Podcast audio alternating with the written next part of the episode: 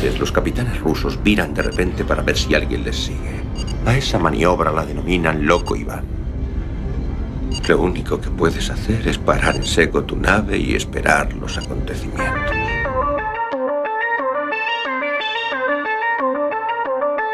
Galasphere 347 of Space Patrol calling unidentified ship. The not answering.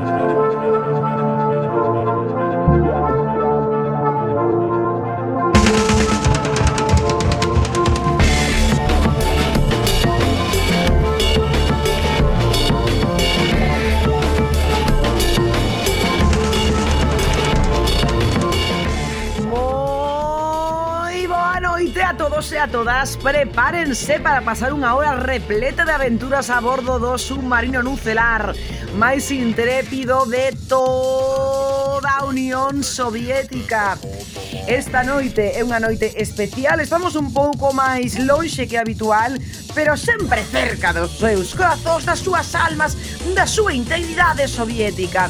Hoxe facemos un programa de recurtes cosido sinuosamente e estupendamente pola eh, camarada de Oscar. Hoxe vamos a falar de sobras de sobras, claro, de información eh, que se nos quedou no tinteiro, de recomendacións que queríamos eh, facervos, de cine, de series, de televisión, eh, de libros. Bueno, todo esto aquí na sintonía de Quack FM. Please stand back from the automated door and wait for the security officer to verify your identity. Before exiting the train, be sure to check your area for personal belongings.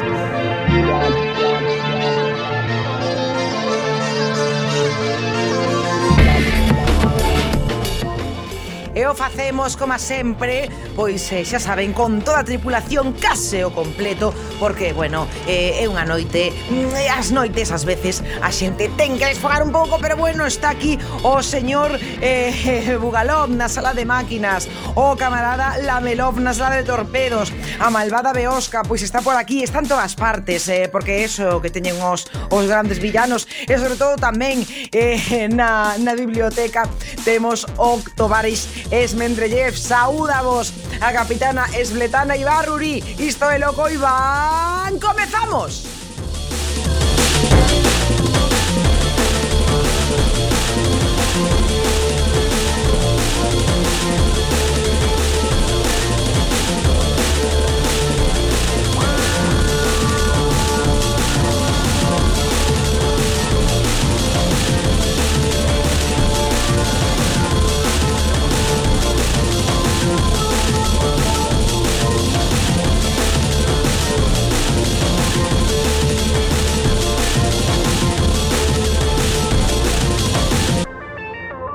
Game over. Galasphere 347 of Space Patrol calling unidentified ship. They're not answering.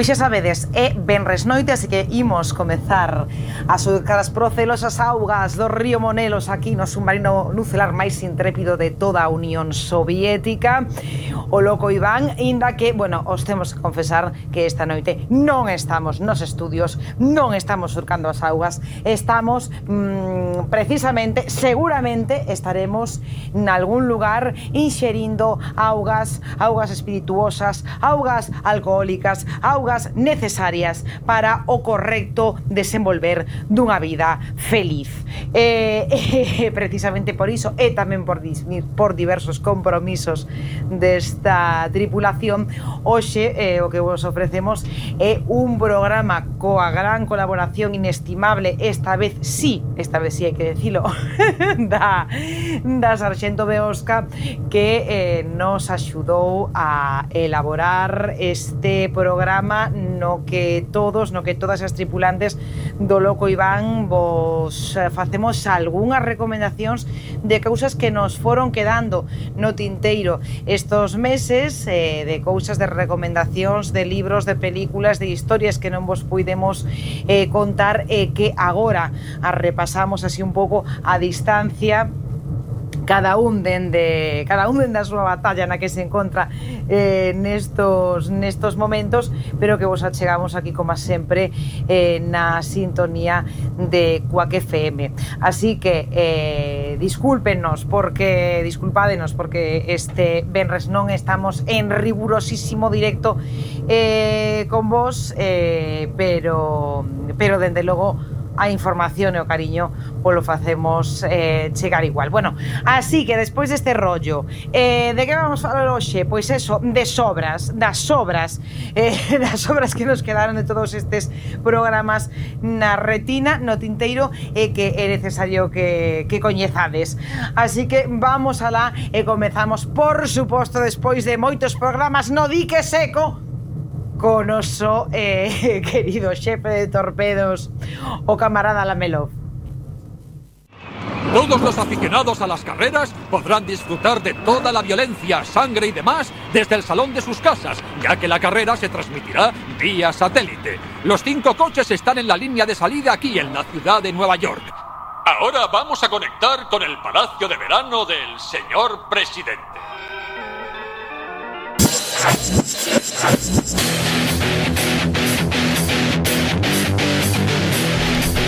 Isto que acabades de escoitar con esa dobraxe infumenta é a película de Reis 2000 traducida aquí como La carrera de la muerte del año 2000 que foi dirixida no ano 75, 1975 polo director estadounidense Paul Bartel.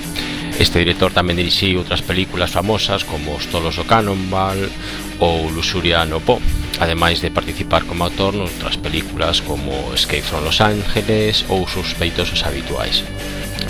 A película ten como protagonistas a David Carradine, Sylvester Stallone eh, Bueno, que aparte nesta película tiña boca máis torta que nunca, por certo eh, Tamén participa Simone Griffith, que é unha atrida que non se lembra nin a Wikipedia A película é un cagarro infumento, sideral Que non, bueno, na miña opinión non hai por onde collela pero ten un argumento que lembra que lembra obras de estilo Battle Royale como os xogos de, da Fame ou esta última serie por aí que sabe, o Calamardo este o Xogo do Calamardo. Bueno, pois pues, isto foi moito antes de que estiveran de moda este tipo de, de películas, non? E de obras. E tamén un estilo que semella un pouco a película Rollerball, que era do, do mesmo ano, sabes? Esas loitas que había entre patinadoras. A peli trata sobre uns Estados Unidos distópicos, onde o principal acontecemento deportivo do ano é unha carreira de coches chamada Transcontinental, e que dura varios días. Non é, unha, non é unha carreira calquera, xa que os coches son versións modernas das cuadrigas de ben e cun leve toque aos autos tolos de, bueno, da mítica serie de dibuxos animados co lexendario Pierno do Yuna e o seu perro Patán, é dicir, coches deseñados para correr e matar aos rivais e peóns que se crucen no camiño.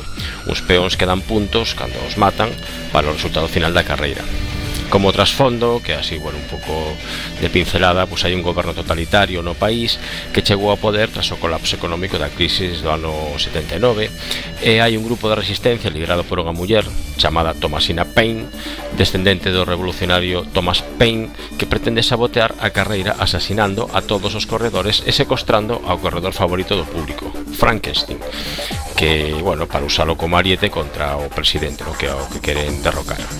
Como dicía, a película é un ñordaco, pero converteuse nunha película de culto e hai xente que a valora moi positivamente. Supoño que, bueno, pois algunha razón terán que eu non logro ah, bueno, comprender. O que quería falar eh, bueno, da, da película sobre todo é porque aínda que a crítica non a recibiu ben pola violencia e gore cutre que amosa digamos que non tivo ningún tipo de censura ou manifestacións en contra nin debaters eh, nos medios dicindo que a xente ia querer asasinar a peóns eh, que usaban os coches nun xeito violento que podría incitar a que a xente pues, fora pola rúa eh, eso, pues, con máquinas de matar intentando atropellar a xente? Eh, hai un videoxogo do ano 97 chamado Carmageddon que se inspirou nesta película. Eh, desenvolveu no estudio Stainless, Stainless Games e trátase pois, de participar nunha carreira dun xeito moi semellante á da película onde acabar co rivais ou atropellar peóns incrementaba a puntuación. Foi un éxito de vendas e tivo varias secuelas e a última do ano 2016 que, bueno, que estiveron bastante ben. Ademais tiña modo online e unha banda sonora con bandas como Fear Factory, Iron Maiden, Sentience ou Lee entre outras bandas, vale. Realmente o videoxogo era moi divertido e disparatado. E a segunda parte, bueno, tamén era bastante boa. O resto, bueno, xa eran tan boas, ainda que non estaban de, todo? O caso é que a polémica saltou os medios de comunicación porque empezaron a dicir que era un videoxogo violento, que consistía en atropelar a mulleres embarazadas e que a rapazada ia coller os coches e comenzar a asasinar a xente, vale? O que non dicían da película ou do, dicían agora deste videoxogo moitos anos despois. Eh, había asociacións como Protégeres dentro desa asociación que supostamente defendía a infancia supostamente, bueno, pois pues que pedían a súa prohibición eh, entón, bueno, empezou a coller moita fama negativa videoxogos, eh, medios, eh, digo medios moviendo programas aí que falaban que falaban del pero, bueno, esta publicidade negativa ou esta fama negativa ao final provocou pues, un incremento das vendas, non? Despois da segunda parte eh, fixeron unha nova versión censurada onde sustituíron os peóns por zombis verdes con sangue da mesma cor pois para bueno, que fora a violencia pero contra seres inanimados, non? no que, bueno, eh, os que saen no videoxogo tamén eran bastante inanimados. O chamativo da historia, sou eu, é o, o dobre raseiro, dicir, como unha película con imaxe real en os anos 70, non ten ningún tipo de problema, e un videoxogo con imaxe sintética e pouco realista, porque daquela os gráficos os tiñan outro nivel, non eran como, como agora, pois xenera unha polémica que aínda pode lembrarse hoxe en día, non? Eran anos nos que os videoxogos non eran tan masivos como agora e ademais, como os dibuixos animados, consideraban que eran eh, entretemento para nenos, non para a rapazada, algo que obviamente non era certo, non nin, nin para os dibuixos nin para os videoxogos. Houbo películas con problemas de censura, sí, eso, eso é certo Pero a violencia en películas de acción non tiña moitos filtros aínda que fora violencia sen sentido como é o caso non? Sin embargo, nos videoxogos sí que xeraban debate sobre a prohibición de contidos non? E aínda hoxe, pois, culpan aos videoxogos de moitos crimes múltiples Que cometen estudantes en Estados Unidos e outros países non? Sin embargo, nunca escoitei que culparan ao cine ou á televisión deses crimes é dicir, pues estos asesinatos masivos que hubo en institutos, pues eso, lamentables obviamente, pero que sempre buscan retorcer pues, a realidade culpando eso, que se os videoxogos, a veces incluso a música metal eh, pero xeralmente eso, que se tiñamos un videoxogo que será o GTA, que será calquera videoxogo, pois pues, que incitaba a estes eh, criminais pois, pues, a actuar dese xeito non?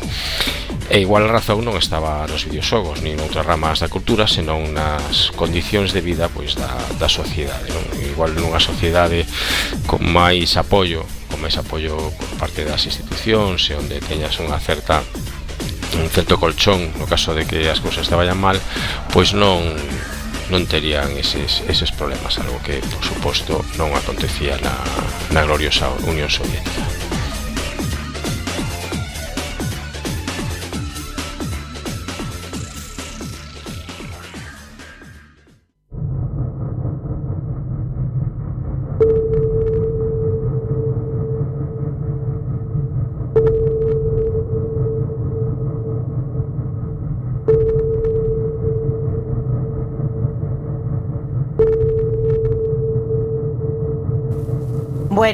queridos, queridas, Tamén é necesario, por suposto, que escoitemos as cousas que lle quedan no tinteiro a Sarxento Beosca, a camarada Beosca. Que pode ser xa? Porque eu a veces...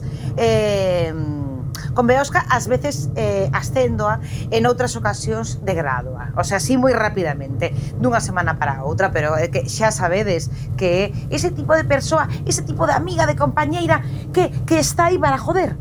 Eh, que está aí para iso, para dicirte, ah, podo facer un motín canto me dé a gana, en canto te despistes, sácote, sácote o, o cargo de capitana. Bueno, eso, eso é unha fábula, porque non pode pasar, porque se dan conta de que quen está falando con vostedes. Xoqueu. a capitana.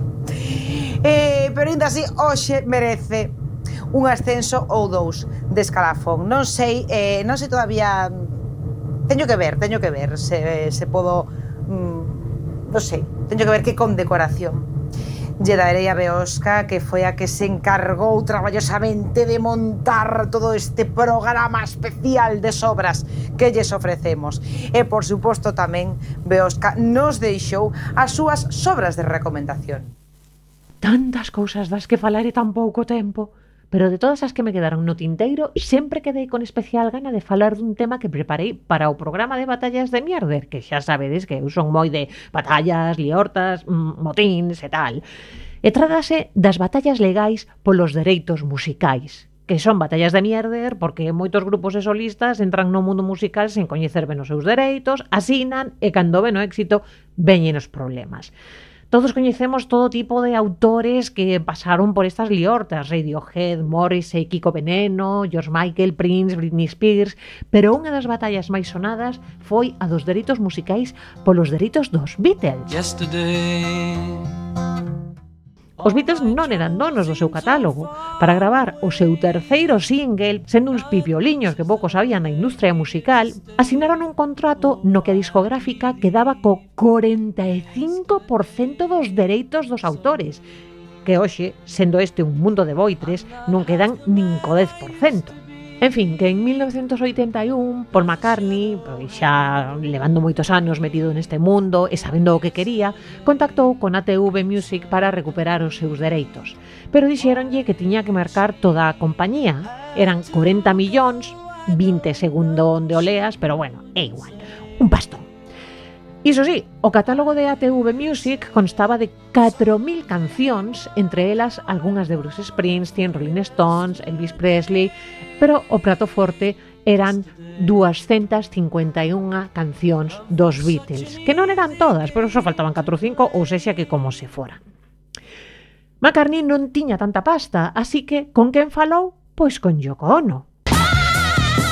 Para dividir o gasto, pero ela non puxo moito interese, incluso dixo que pensaba que podían sacalo por 5 millóns. Foi que non. Poucos anos despois, tras o éxito do dúo que Paul McCartney e Michael Jackson fixeron na canción de thriller The Girl Is Mine, gravaron outro single, 666, seguro que lembrades. E cando houbo que gravar o vídeo, Michael desprazouse a Reino Unido e Paul aloxouno no seu rancho en Sussex. Ali, pois, claro, falaron un pouco de todo, ¿no? e sobre todo do negocio da música. Michael estaba nun momento álxido tras o exitazo de Thriller, entón pediulle consellos e Paul dixolle pois que buscase un bo asesor, que tivese cuidado cos seus dereitos, porque mira o que nos pasou a nós, e faloulle do gran negocio que era mercar dereitos de edición de grandes artistas, e incluso que el mesmo adquirira os dereitos de obras pois de Buddy Holly, de Al Johnson, de Carl Perkins, así como das dúas primeiras cancións dos Beatles, que como non entraran no trato, pois poido quedar con elas. Xa sabedes, Love Me do e P.S. I Love You. Tamén lle contou que estaba tentando recuperar o catálogo dos Beatles e de momento, pois en éxito, eh, Michael dixolle, ah, pois vou mercar as túas cancións e os dous riron un montón porque, claro, era unha broma. Verdad? Uns meses despois, Michael Jackson comezou as negociacións polos dereitos dos catálogos sen dicirlle nada a Paul, que acabou enterándose pola propia empresa, que o contactou pois por se quería puxar. En 1985, Jackson acabou mercando o catálogo de ATV Music por 47,5 millóns de dólares, que por aquel entón era a metade da súa fortuna, un pastón. Pero bueno, ven que valía a pena. El falaba de que era unha cuestión de adoración pola música dos Beatles, a Paul daballe igual. Chamuno de todo menos bonito, de traidor para arriba, etc. E ademais que sí, que é moita adoración e moita hostia, pero cando Paul tentou que Michael non lle cobrara o 45% dos dereitos da condición aquela que falamos ao principio, e que lle rebaixase un deciño por cento de nada, Michael dixo que tararí. En fin, nos 90s, Michael empezou ter graves problemas financeiros polos seus inmensos gastos persoais, o pago da indemnización ao neno do que abusou, a monumental promoción dun novo disco do que eu nin me lembro. History, disque. Fixo pouca history. E ao final, en 1995, vendeu o catálogo a Sony Corporation, a súa propia compañía discográfica, por 95 millóns de dólares, que non está nada mal, eh? O dobre do que lle custaran. De todas formas, Paul nunca se rendeu. Existe unha lei de dereitos de autor en Estados Unidos que di que os autores poden reclamar polos seus dereitos 35 anos despois da súa publicación, aínda que no caso dos temas lanzados antes de 1978 o tempo de espera sería de 56 anos. 56 anos despois do lanzamento do primeiro disco dos Beatles Love Me Do, Paul empezou a pleitear polos dereitos que por fin recuperou en 2017 tras un acordo privado con Sony ATV.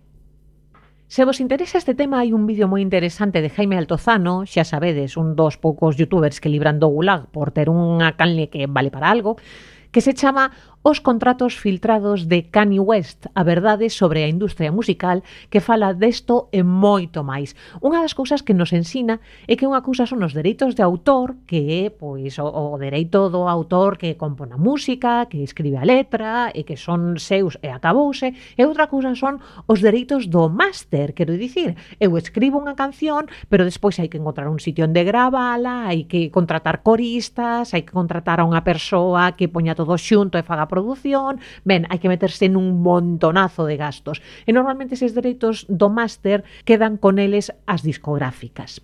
E con respecto a estes dereitos, hai outra historia interesante. Time... Taylor Swift, con 15 aniños, asinou coa discográfica Big Machine, que lle levou os seis primeiros discos. Pero máis tarde, dous managers mercaron parte de Big Machine seguro que vos soa Scooter Brown, que era un deses managers co que Taylor Swift acabou pouco menos que matándose, incluindo os dereitos de Taylor Swift. E non a deixaban nin interpretar, nin regravar os temas, en fin, tiveron moitísimos problemas, acabaron indo a xuizo, e resultou que entre os dereitos que sí tiña estaba o dereito de veto. Entón, dende aquela, o que empezou a facer foi vetarlles todo. Quero dicir, mm, alguén quería música de Taylor Swift para un anuncio? Pois eles dicían que sí, pero Taylor vetaba. Eh, alguén quería unha canción de Taylor Swift para mm, unha película? Pois eles dicían que sí, pero Taylor vetaba. Taylor vetaba absolutamente todo. Ela non vía un duro, pero o importante era que eles tampouco. O final resultou que sí que tiña dereito á regrabación, así que decidiu que ese catálogo de seis anos enteiros de cancións que tiña esta xente no xenta, ela ia grábalo todo, outra vez exactamente igual, e así podería quedar cos dereitos de máster. Ben, e pensaredes, ah, exactamente igual, exactamente igual, igual é un pouco complicado, non? Home, sí, seguramente é un pouco complicado, pero mal non lle debeu sair porque escoitades esta música de fondo En realidade están soando dous masters á vez. O máster original e o máster regrabado. Notades moita diferenza? He said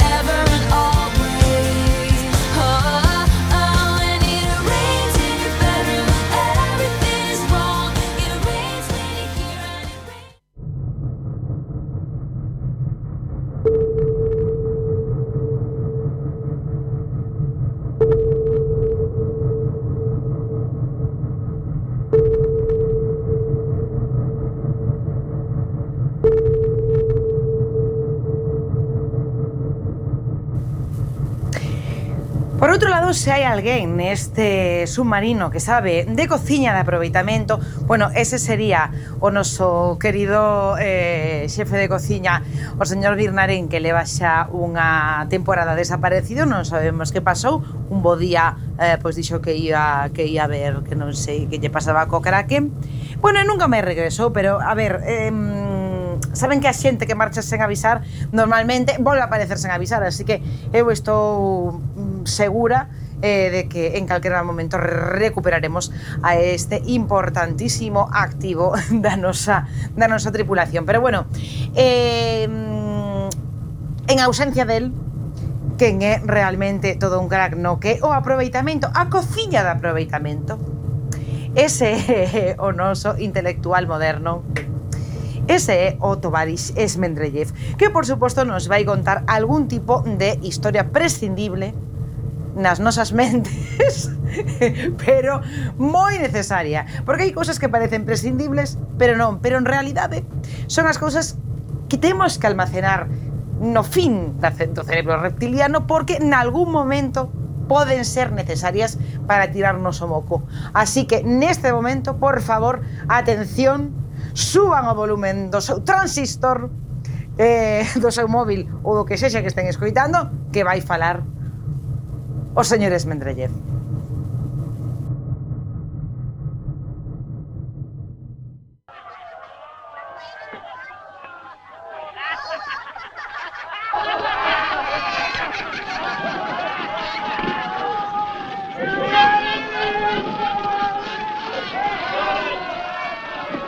Vuelven a las andadas, que arrasarán esta noche el Museo de Ciencias, la biblioteca, pobres miserables bastardos. Anoche casi me sorprendieron, ¿lo sabías? ¿Sí?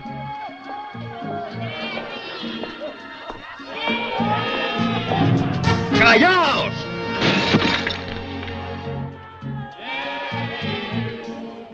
¿Por qué no me dejáis en paz?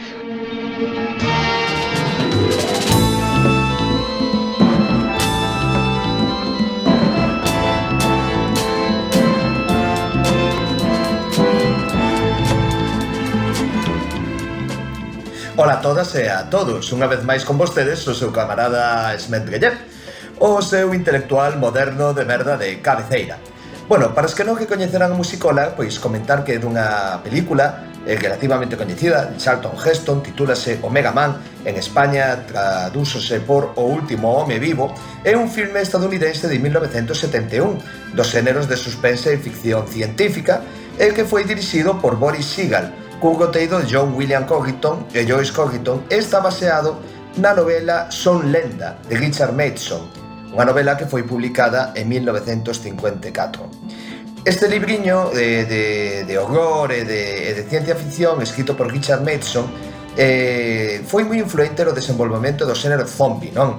e na popularización do concepto dun apocalipse en todo o mundo debido a unha doenza ou enfermidade A obra eh, foi un éxito absoluto e foi adaptado varias veces ao cine, eh, como The Last Man on Earth, o último home da Terra, en 1964, que tiña o propio Mason con pseudónimo, é dicir, o mesmo escritor como guionista e, e autor do, do roteiro, e tamén máis tarde eh, de Omega Man, fai pouco, en 2007, coma Son Lenda, a coñecida película de, de Will Smith, non?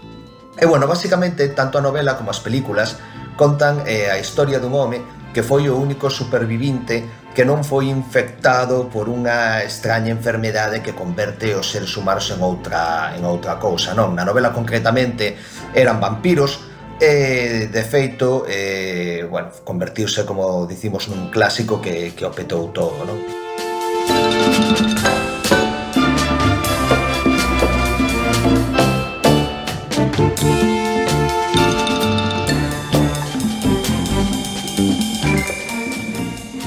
neste caso particular que é o que me trae a min a memoria un pouco concretamente a película de, de Charlton Heston eh, un elemento que agora está moi de moda porque hai unha personaxe moi atractiva dentro da dentro da película non? que se chama eh, Mazayas que é basicamente pois, como un líder dos superviventes No caso da película de Son Lenda non son vampiros, mas me parecen xente que o leva bastante mal, non? Con aspecto así como de leprosos ou mutantes, bastante feitos polvos, que se adican a andar destruindo eh, o que queda de civilización no mundo. Queiman os libros, eh, estragan as tendas, eh, danlle lume a todo, e tras, sobre todo tratan de matar a Charlton Heston, que é o único supervivinte que todavía conserva aspecto humano, non?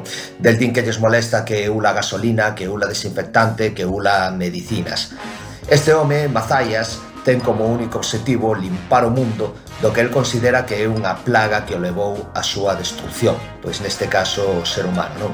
E, de feito, nun momento dado, chegalle a ser ofrecida unha cura que atopa eh, o protagonista, non?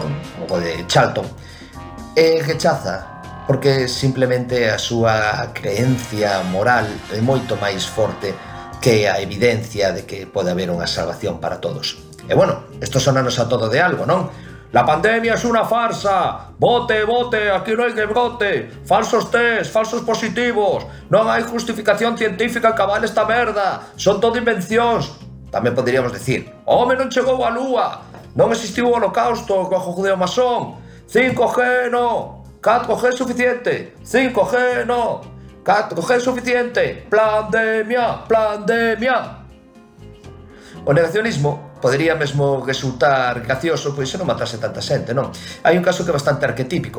O goberno de Sudáfrica entre 1999 e 2008 e destacadamente o presidente Mbeki e a súa ministra de Saúde pois propuseron curar o sida con remolacha, espinacas, e limón e aceite, non? Morreron durante ese mandato, como consecuencia ese mandato, unhas 350.000 personas porque eh, estes políticos se negaron a dar antirretrovirais á poboación porque o consideraba unha trampa da Big Pharma occidental racista que quería votar por riba da pobre África e a raza africana unha chá de enfermedades en base a un inexistente virus procedente pois desa, desa región do mundo, non? Soese asociar eh, o negacionismo a xente que ten unha verdade incómoda e difícil de controlar diante, non? Como no caso da pandemia que sufrimos ou o cambio climático É dicir, cousas que son complexas de entender e sobre todo que son difíciles de solucionar e que toda a xente se refuxia na negación porque é o máis cómodo. Pero eu penso que pois moito máis que iso, non? A mí lembrame moito estas cousas a un bello que Fran que di que a inteligencia é o máis repartido de todos os bens, a que todo o mundo parece pensar que ten abondo dela, non? Entón moitos destos negacionistas da pandemia teñen unha boa parte de severbia, non? Un estilo calfi dos Simpsons de decir eu son especial, inda que sean parvos eh, hasta, hasta a médula, non?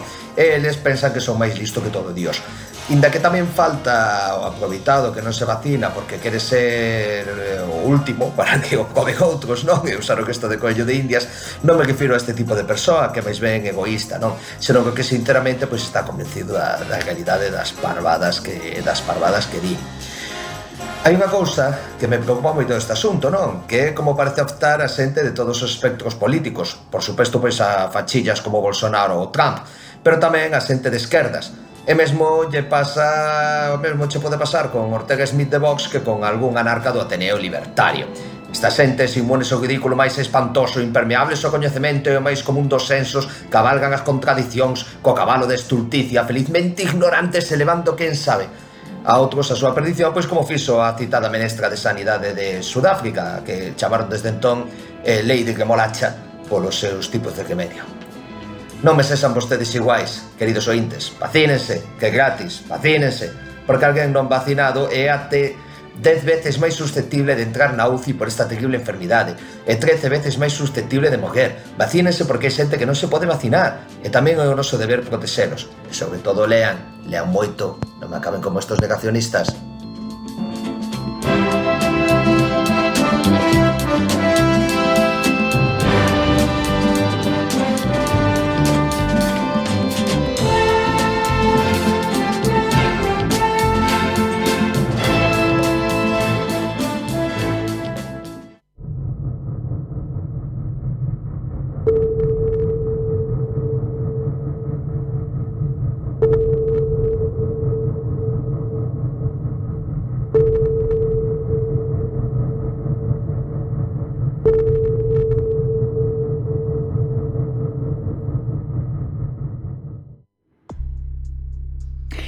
Bueno, queridos camaradas, eh, esta noite, como falamos, de cousas que nos quedaron no tintero, de sobras, eh, de jamón asado, eh, de, de salchichas con tomate solís. Bueno, pois eh, de que vos quero falar eu un momentiño. Eh, do misterio de Salenslot, xa sabedes, o misterio de Salenslot eh, pois está baseado eh, nunha novela do noso queridísimo, do noso admiradísimo Stephen King. Hai unha adaptación eh, televisiva dunha miniserie que eu creo que xa é como super mítica que a, dos, a do ano 79 eh, eh, que fixou Top Hooper ou da Matanza de Texas. Bueno, eh, sabedes que nesta hai como unhas, eh, unhas unha imaxe xa case arquetípica eh, que do neno vampiro que está que está petando non na, na fiestra eh, pola noite. Eh, bueno, parece ser que se está facendo unha, unha nova adaptación e que ademais vai ser dirixida por Gary Doberman que foi o guionista das dous novas entregas de IT, o sea que vamos, eh, ten en principio en principio, toda la, todos os meus parabéns. Eh, pero outra cousa, de todas formas, eh, para isto ainda hai que esperar. Así que eu eh, vos recomendo a todos que vayades a, a HBO, vayades pois como poidades. Eh, os que vayan por unha vía pola pola vía legal. Ben, os que non, pois como sexa, eh, a HBO Max, que sabedes que agora cambiou hai nada a plataforma, e que vos vexades, porque ademais se ve nunha patada, a min encantoume Chapel White, eh, que é unha precuela precisamente de Silent Slot que ademais está dirixida, está dirixida, perdón, non está protagonizada por Adrien Brody, que sabedes que é este actor eh, cunha nariz gigantesca que ademais creo que foi moi moi coñecido hai anos eh, non só polo meme do pianista eh, senón porque creo que foi parella de Penélope Cruz, pero isto tería que tería que revisalo e non estamos e non estamos para iso, para estar revisando que total isto é un programa de radio de radio totalmente colaborativo. Bueno, pero o oh, que iba que vos vexades eh, Chapel White Eh, bueno, a ver, encantoume porque ten un rollo gótico eh, que vos cagades, eh, gustoume moito e ademais, atención porque tamén está a historia eh, basada a súa vez pois noutra obra de, de Stephen King na que ademais é que, a ver, eh, os frikis eh, vai vos encantar os frikis de, de Stephen King e de, mm, e de, e de Lovecraft eu creo que vai vos gustar moito porque eh, está basada precisamente eh, mm, nos misterios do gusano. eh, eh, que un dos contos eh, de Stephen King que mete bueno, pois, eh, nunha antoloxía que se chama eh, O umbral da noche. Bueno, el umbral da noche, perdón, que non sabería, a verdad que non sabería traducilo agora mesmo, el umbral da noche. Así que aí vos lo deixo. E bueno, que pasa? Eh, que os misterios eh, do gusano, os, os misterios do verme, o que recolle é eh, a figura do, verbi, do vermis visteris eh, que ese, xa sabedes ese grimordio ficticio que foi creado polo escritor norteamericano Robert Bloch e que logo foi incorporado polo noso querido H.P. Lovecraft a, bueno, pois os mitos de Cthulhu ou de Cthulhu ou como, yo, ou como querades eh, chamalo. Bueno, todo isto aparece nesta, nesta miniserie que vos comento en Chapel White eh, que eu creo que tendes que ver porque ademais eh, non sei, ten un rollo estupendo. A min gustoume moito e a ver se nos dicides algo por redes sociais a ver que vos pareceu se tendes a oportunidade de vela.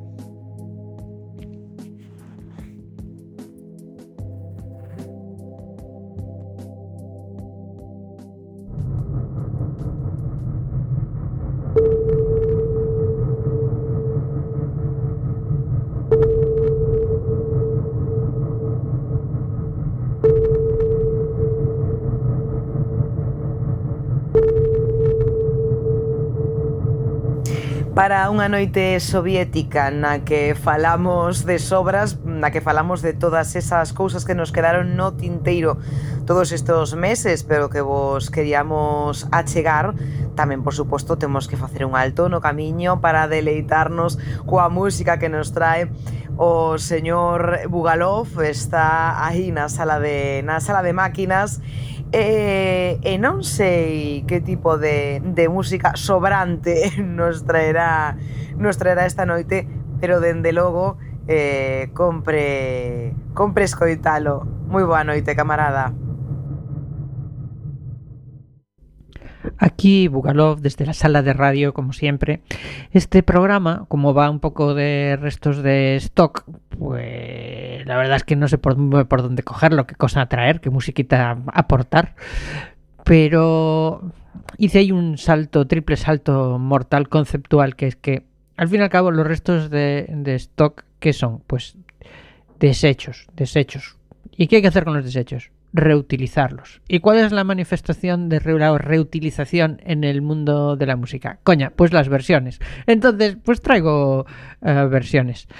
Mm, vamos a buscar alguna versión no muy obvia, no muy conocida mm, por el público más masivo. Seguramente no lo conseguiré, pero vamos a intentarlo. Y vamos a empezar, pues, cerquita. No nos vamos a ir a países de, muy lejos. O sea, nos vamos a quedar en la península ibérica y además en el Estado español. Si no conocéis al gran Albert Pla, pues ya viene siendo hora. Y es que es algo así muy complicado de explicar. eh. Es así muy. No sé, a ver, te lo digo. eh, Es así muy así. Es así muy así. Es así muy en fin, no sabría decir. Es así muy en fin, no sabría decir. Pero sentir si lo siento muy dentro de mí. Y esto dentro de mí, estoy fuera de sí. Y esto sí que vivir. Yo estoy súper feliz. Anda que no se diga. Ya sabes, en fin, como antes decía, que sabes muy bien. Y qué bonita, bonita. Qué bonita me sabe la vida. Yo no sé qué va, yo no sé qué será, solo sé que es así, que me ha tocado a mí, que todo para mí, que todo para más. Va mejor para adelante, jamás para atrás. No se puede parar, no se puede expresar, se tiene que gozar, así punto ya está. Creo que vas entendiendo lo que te estoy diciendo. Es como un sentimiento que se mete en el cuerpo, te lo pone muy bien, así puesta al revés. Es como yo te dije, como ya te conté, que tú ya sentiste alguna que otra vez, que te da carrerilla y te da mucha vidilla y te da la risita cada dos por tres. Y aún siento como siempre se te cae, está presente, tú no entiendas. Si te piensas, no es posible que me pase, serán sueños, serán cuentos, qué alegría. Aprovechate la mía y lo coges, lo meneas y ya está. Suavemente al vaivén de las olas del mar, cantando tan pancho sin saber cantar, las trompetas tocan. Y ahora el asunto es, si a ti te mola Albert Pla, te mola esta canción, pero eres un fulano solo con una guitarra mm, y la quieres cantar, eh, pues ¿qué le haces para que sea diferente? Pues en caso de duda, siempre le puedes preguntar al canca que algo se le va a ocurrir. Es así, muy así, es así, muy asá. Es así, muy en fin, no sabría decir. Así, muy en fin, no sabría decir. Pero sentí si lo siento muy dentro de mí. Está dentro de mí, estoy fuera de sí. Esto sí que es vivir, yo estoy súper feliz. Anda que no se diga, ya sabes, en fin, como antes decías, que sabe muy bien y qué bonita, bonita. Qué bonita me sabe la vida. Yo no sé de qué va, yo no sé qué será. Solo sé que es así que me ha tocado a mí. Que todo es para mí, que todo es para más. Va mejor para adelante, jamás para atrás. No se puede parar, no se puede expresar. Se tiene que gozar así, punto y ya está. Creo que vas entendiendo lo que te estoy diciendo. Que es como un sentimiento que se mete en el cuerpo y te lo pone muy bien así puesto al revés. Es como yo te dije, como ya te conté.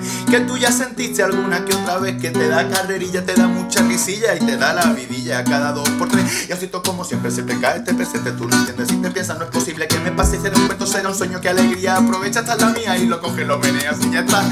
Suavemente al vaivén de las olas del mar Cantando tan pancho sin saber cantar Las trompetas tocando pipi pa pa las niñas cantando jiji ja ja ja Y es que la oscuridad Y es que la oscuridad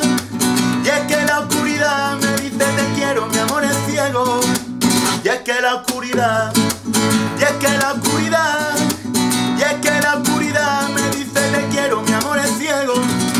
Es así tremendo, un impacto muy loco, justo en la línea de la flotación, igual que en un cuento traído de lejos, caído del cielo, imagínalo así, imagínate un mundo perfecto con chispa brillando por ti, todo para ti, sí, sí, sí, ya me sale si es esto lo que, o, o, o que era lo que, lo tengo en la punta de la lengua y espera, ya me sale si es eso, eso mismo que he dicho, pero dicho bien dicho, no así sin si parece liado, lioso, qué lío, pero pilla el concepto y verás que ya está, ya sabrás que está claro, ya verás que está claro que te atiza los morros y te deja vaya y es que te hace volar, y es que te hace flotar.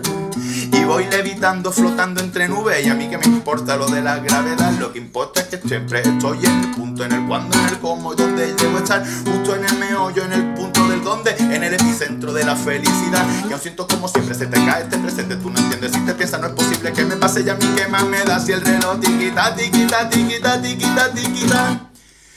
Suavemente al vaivén de las olas del mar, cantando tan pancho sin saber cantar, las trompetas tocando pipi, papá, papi, las niñas cantando pipi, caca, y es que la oscuridad, y es que la oscuridad, y es que la oscuridad me dice te quiero, mi amor es ciego, y es que la oscuridad,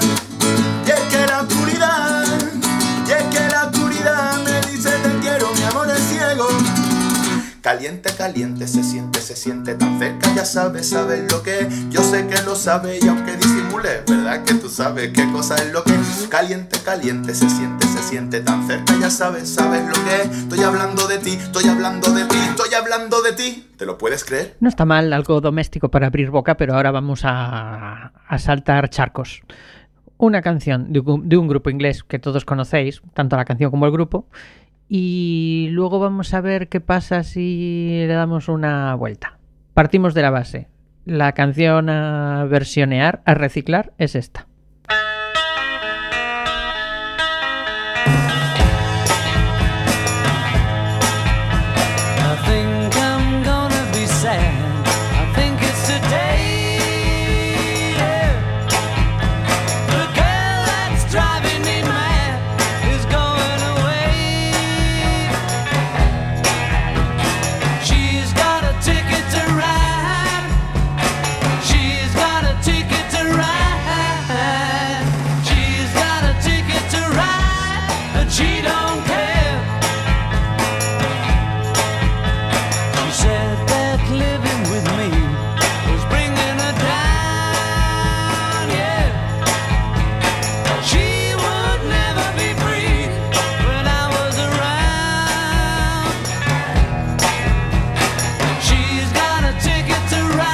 Si coges este tema, te lo sacas de Liverpool, cruzas el Atlántico y se lo das a una persona nacida en el delta del Mississippi y que se ha criado en Memphis, que por ejemplo se podría llamar Wee Willie Walker, por ejemplo, pues lo que pasa es algo bastante diferente.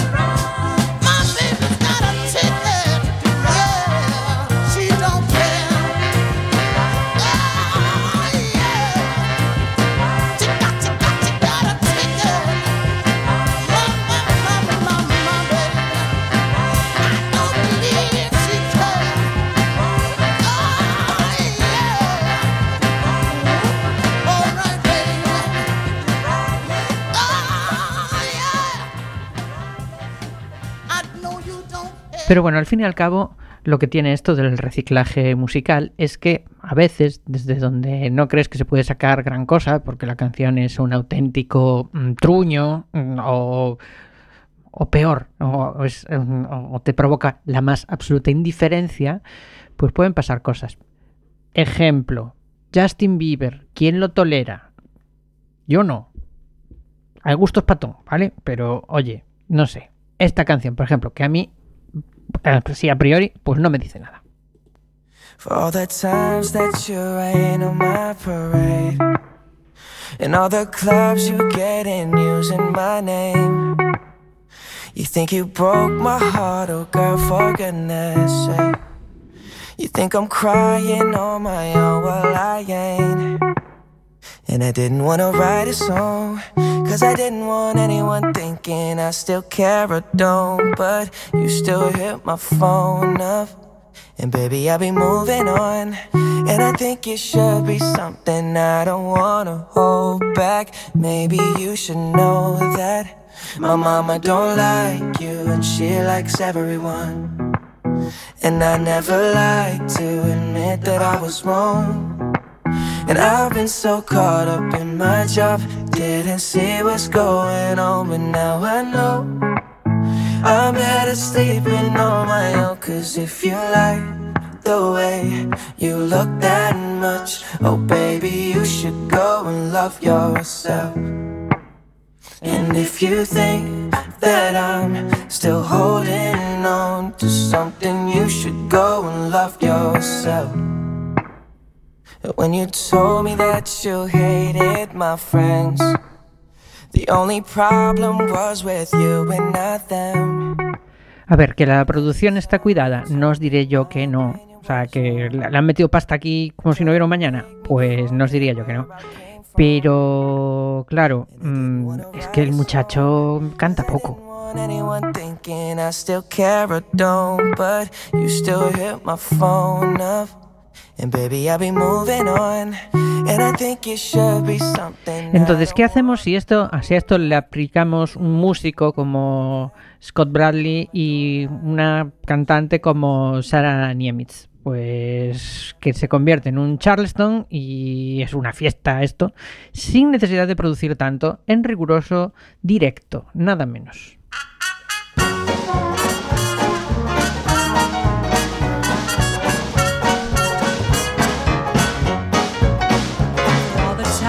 That you rain on my parade and all the clubs you get in using my name.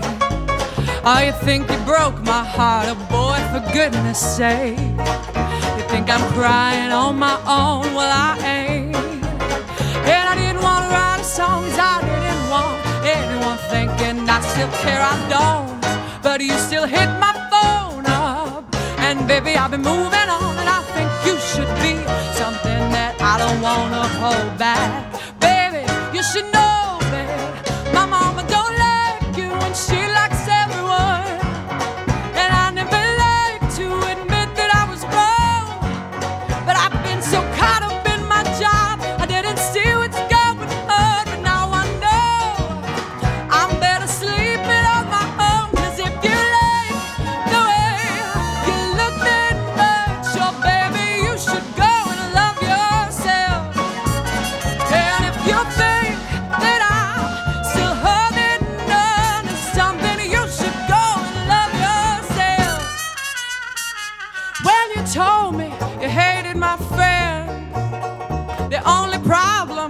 With you and not with them.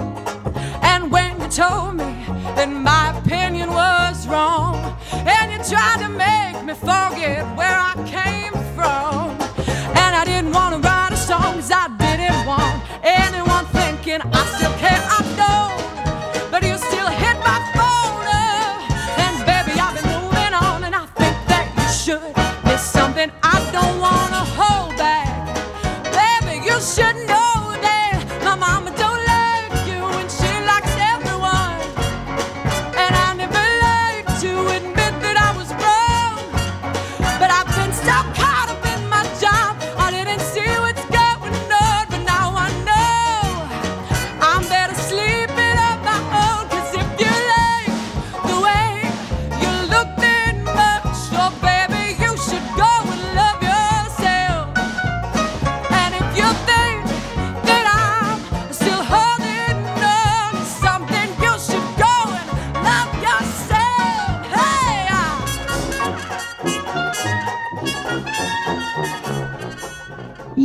parte, pues nada más. mm, Todo terminado hoy desde la sala de radio. Picos, chau.